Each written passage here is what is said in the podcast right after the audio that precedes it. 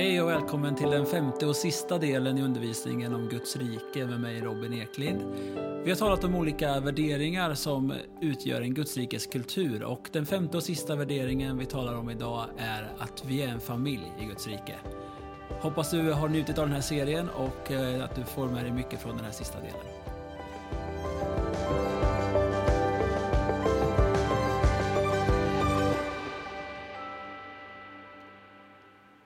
I Guds rike är vi alla en familj.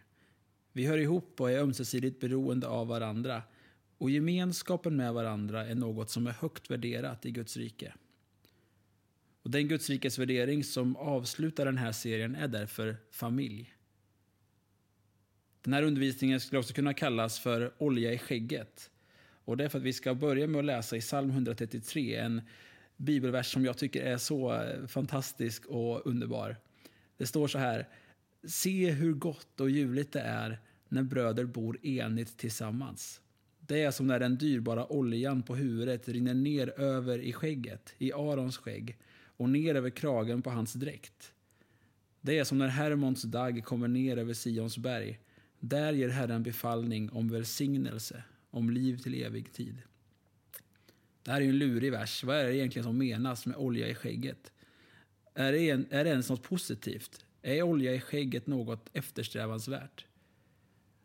Det här syftar på prästvigningen av Aron, när Mose häller smörjelseoljan över Aron som ett tecken på den helige Andes närvaro i hans prästtjänst. Och när oljan rinner ner över skägget och ner över kläderna så talar det om ett överflöd av smörjelse. Ett överflöd av Guds närvaro. Detta kommer när vi lever i enighet. Där har Gud gett befallning om välsignelse. Alltså det som står här är att Gud har bestämt, det är för evigt stadfäst, att där hans folk lever i enhet, där kommer Gud med sin välsignelse och sitt liv i överflöd. Varför då? Därför att familj ligger på Guds hjärta. Och I vår församling i Kungsbacka så längtar vi efter hans närvaro. Vi längtar efter att få vara en församling där den helige Ande trivs. Och det får vi vara när vi lever i sann gemenskap och enhet. Bibeln talar ofta om oss kristna som Guds barn och som en del av Guds familj. Johannes 1 säger åt alla de som tog emot honom gav han rätten att bli Guds barn. Och i Efesierbrevet 2.19 säger Därför är ni inte längre gäster och främlingar utan medborgare med de heliga och medlemmar i Guds familj. I Guds församling är vi en del av Guds stora familj och vi är varandras syskon som har samma far i himlen. När Paulus skriver till sin lärjunge Timoteus och instruerar honom hur han ska leda församlingen i Efesos som han har fått ansvar för så är det tydligt att i församlingen så är det tänkt att vi ska relatera till varandra som man gör i en familj. Vi kan läsa i första Timoteusbrevet kapitel 5 var inte hård mot en äldre man. När du förmanar honom, tala som till en far. Förmana yngre män som bröder, äldre kvinnor som mödrar och yngre kvinnor som systrar i all renhet. Paulus säger till Timoteus att de ska relatera till de andra i församlingen som man gör i en familj. Varför då? Därför att vi är familj. Guds rike är en familj och församlingen är en familj. Att församlingen är en familj är något väldigt kraftfullt. I dagens Sverige har vi ett helt samhälle som är uppbyggt runt idén att göra varje individ fri och oberoende av alla andra. Målet är att varje individ ska vara oberoende i relation till sin arbetsgivare, sina föräldrar, syskon och till och med sin livskamrat. Sverige är världens mest individualiserade land och världens ensammaste land. Detta innebär att sann gemenskap är en bristvara idag. Här har församlingen en viktig plats att fylla och en möjlighet att visa på ett annat sätt att leva och möta människor med evangeliet. Församlingen är världens hopp. Den typ av gemenskap som finns i en församling finns inte någon annanstans i vårt samhälle. Tyvärr är det inte alltid församlingen fungerar som den är tänkt att fungera. Jag hörde en berättelse en gång om en man som tidigare hade varit nazist men kommit till tro och lämnat sitt gamla sammanhang och kommit med i en svensk frikyrka. Eh, och det jag ska berätta nu hände ett par år efter att den här mannen hade mött Jesus. Och då var det en vän till mig som träffade honom. Och den här mannen som tidigare varit nazist sa så här. Vet du vad jag saknar mest med mitt gamla liv? Gemenskapen. Vi hade sån sammanhållning. Vi var verkligen bröder. Och jag visste att jag alltid kunde ringa. Behövde jag hjälp eller pengar var det inga problem. Vi tog hand om varandra. Och varje gång jag tänker på den berättelsen så känner jag bara Gud, hjälp oss. Hjälp oss som Guds församling att vara den familj som du har tänkt att vi ska vara. Jag skulle vilja lyfta fram några aspekter av vad det innebär att vi som församling är en familj. Och jag är medveten om att vi kan ha olika erfarenheter av vad en familj är. Vissa kanske får en klump i magen när vi säger familj och jobbiga associationer men jag talar utifrån vad jag tror att en familj är tänkt att vara och hur Gud har tänkt att det ska fungera bland oss. En familj är en trygg plats. En trygg plats där man kan känna sig älskad och trygg. Det är en plats där man kan vara helt sig själv. Där man är accepterad som man är. När andra platser i livet är krävande är familjen en plats där man kan hämta kraft. En familj föds man in i. Var och en är en naturlig del från början man har inte presterat för att komma med. Det finns inget intagningsprov. När en bebis föds in i en familj behöver den inte göra något, bara ta emot. Ta emot kärlek, omsorg, mat och trygghet. Det är det som bebisar behöver från början för att kunna växa och utvecklas och med tiden bli ansvarstagande och bidragande familjemedlemmar. Jag tror att församlingen är menad att vara denna trygga plats. En plats att höra hemma, en plats att ge och ta emot kraft och omsorg. Jag vet inte hur du upplever församlingens gemenskap, om du upplever att det är en familj eller inte. Jag tror att vi lyckas vara det ibland, men kanske inte alltid. Men det vi behöver se är att detta är något vi skapar tillsammans. Vi kan aldrig säga att det är alla andras fel utom mitt. Men vi kan skapa detta tillsammans. Och det gör vi genom hur vi bemöter varandra, hur vi ser på varandra och hur vi delar med oss av oss själva. Och här har var och en sin del att bidra med. Jesus sa så här i Johannes 13, vers 34. Ett nytt bud ger jag er, att ni ska älska varandra. Så som jag har älskat er ska också ni älska varandra. Detta är otroligt utmanande. Hur har Jesus älskat oss? Han har älskat oss oändligt, villkorslöst, osjälviskt och uppoffrande. Och det är den kärleken vi är kallade att visa varandra i en församling. Och i en gemenskap där man känner sig älskad, accepterad och trygg, där är det inte så farligt att misslyckas. I en miljö där det inte är farligt att misslyckas är det inte heller så farligt att ta risker och prova nya saker. Det är inte heller farligt att visa sig sårbar och svag för varandra. Alla vinner när vi lär oss att älska varandra. En familj är också en växtplats. Familjen är inte bara en trygg plats där vi kryper upp i soffan och har fredagsmys tillsammans. Det är en del av det, men familjen är också en växtplats där barn förväntas växa upp till mogna och ansvarstagande vuxna. En treåring behöver oftast inte ta så mycket ansvar hemma och när treåringen petar näsan eller rapan tycker vi nästan att det är lite gulligt. Men det kommer en punkt när det inte är gulligt längre. Jag vet inte riktigt när den är, men någonstans på vägen så övergår det från att vara gulligt till att vara ouppfostrat.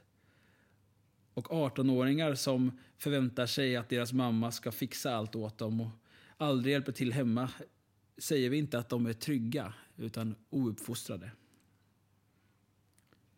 Tanken med församlingen är att det ska vara en trygg plats där du kan höra hemma, men det är också tänkt att vara en plats där du kan växa och mogna i din tro och blomma ut till allt det Gud har skapat dig till att bli. Ett sätt detta sker på är att vi är med och bygger församlingen, är med och tar ansvar, där vi inte i första hand kommer för vad församlingen kan ge mig, utan jag kommer för att vara med att ge och bidra. Där vi bär församlingen i bön och på, och på så sätt är med och bygger församlingen. Genom allt detta växer vi och blir de, blir de Gud har tänkt att vi ska vara. När en familj växer och när nya barn föds in i familjen så innebär det förändringar i familjens struktur. De äldre syskonen får kliva in och ta ett större ansvar och ofta händer det att de äldre syskonen känner sig förbisedda eftersom de har vant sig vid att stå i centrum och nu finns det helt plötsligt ett yngre syskon som behöver och också får mer uppmärksamhet och uppassning. Allt detta är helt naturligt och en del i vad det är att växa upp i en familj. Och I vår församling i Kungsbacka så ber vi om det här. Vi tror att vi ska få se många människor få sina liv förvandlade av Jesus. Vi har en vision av att se Guds rike bryta fram bland alla Kungsbackas invånare, där många får sina liv förvandlade och följer Jesus. Och Detta kommer innebära att vi som tillhör församlingen och vi som levt med Jesus en tid, vi kommer behöva anpassa oss och ta ansvar, ta hand om människor och hjälpa till för att församlingen ska fungera. Det kommer innebära att hemgruppen fylls av nya människor som precis börjat lära känna Jesus och behöver gemenskap och vägledning och som förändrar gruppdynamiken vi byggt upp helt och fullt. Det kommer också innebära att vi får in människor i våra gudstjänster som aldrig varit i en kyrka förut och som inte vet hur man förväntas bete sig i en kyrka. Det kommer inte alltid vara helt bekvämt. Ofta tror jag att vi har en romantiserad bild av väckelse. Men när vi ber att Gud ska röra vid vår stad och vårt land så behöver vi ha med det här perspektivet. Att familj är inte alltid bekvämt. Det är krångligt, det är arbete, men det är också underbart. Det är liv och det är på riktigt. Familj är också en tillhörighet. I en familj så hör vi ihop. I en familj så har man inte valt varandra. Föräldrarna har förhoppningsvis valt varandra, men jag har aldrig valt mina föräldrar, eller min bror för den delen. Och nu är jag väldigt glad för min familj och tacksam att jag har en, en, en god familj. Vi har våra olikheter och det händer att vi tänker olika. Men det påverkar inte det faktum att vi är en familj och att vi hör ihop och att vi älskar varandra. Och vi som är med i Kungsbacka pingstförsamling, vi har inte alla valt varandra. Och det som förenar oss är inte att vi tycker likadant i alla frågor, har liknande intressen eller har en perfekt personkemi. Utan det som förenar oss är att vi tillhör samma Gud och därför hör vi ihop. Vare sig vi vill eller inte. Och det är detta som är både det vackra och det svåra med församlingen. Vi är olika människor i olika åldrar med olika bakgrund, olika förmågor och viljor och åsikter. Och i denna brokiga gemenskap har Gud valt att uppenbara sig och verka i världen genom sin församling. Det kan vara besvärligt ibland, men det är så vackert. I kyrkans historia har vi ofta samlats runt att vi tycker likadant. Att vi är överens i teologiska frågor, gillar samma musik och intryck. Om grundbulten i vår gemenskap är att vi alltid är överens så kommer vi splittras så fort konflikt och oliktänkande uppstår. Men jag tror att en församling behöver ha en djupare tillhörighet än så. Vi är förenade i hjärtat för att vi har samma far i himlen. Och när vi har det som grundbult för vår gemenskap så behöver inte konflikt eller oliktänkande vara ett hot utan något som vi kan växa av och som Gud kan använda till att forma oss och slipa vår karaktär. Dietrich Bonhoeffer var en uppskattad tysk teolog som levde under andra världskriget. Han har skrivit många böcker och en av dem är en bok som heter Liv i gemenskap som är en riktig klassiker. Och I den boken skriver han att den stora nyckeln till sann kristen gemenskap är besvikelsen. Besvikelsen på varandra och oss själva. Det låter inte så muntert. Men vad Bonhoeffer menar är att besvikelsen får oss att lägga ner våra egna mänskliga förväntningar och föreställningar om vad gemenskapen ska vara och istället se varandra som vi är. Och på samma sätt som Gud har omfamnat oss mitt i vår brustenhet så får vi omfamna varandra på samma sätt, mitt i vår brustenhet och svaghet. Som jag har älskat er ska ni älska varandra. Många människor lämnar kyrkans gemenskap för att de blir besvikna på människor. Men Bonhoeffer menar att det är först när vi blir besvikna som gemenskapen kan bli på riktigt. Därför är våra olikheter inte ett hot mot gemenskapen Därför att de förändrar inte det faktum att vi hör ihop. Faktum är att våra olikheter är en styrka där vi kan komplettera varandra.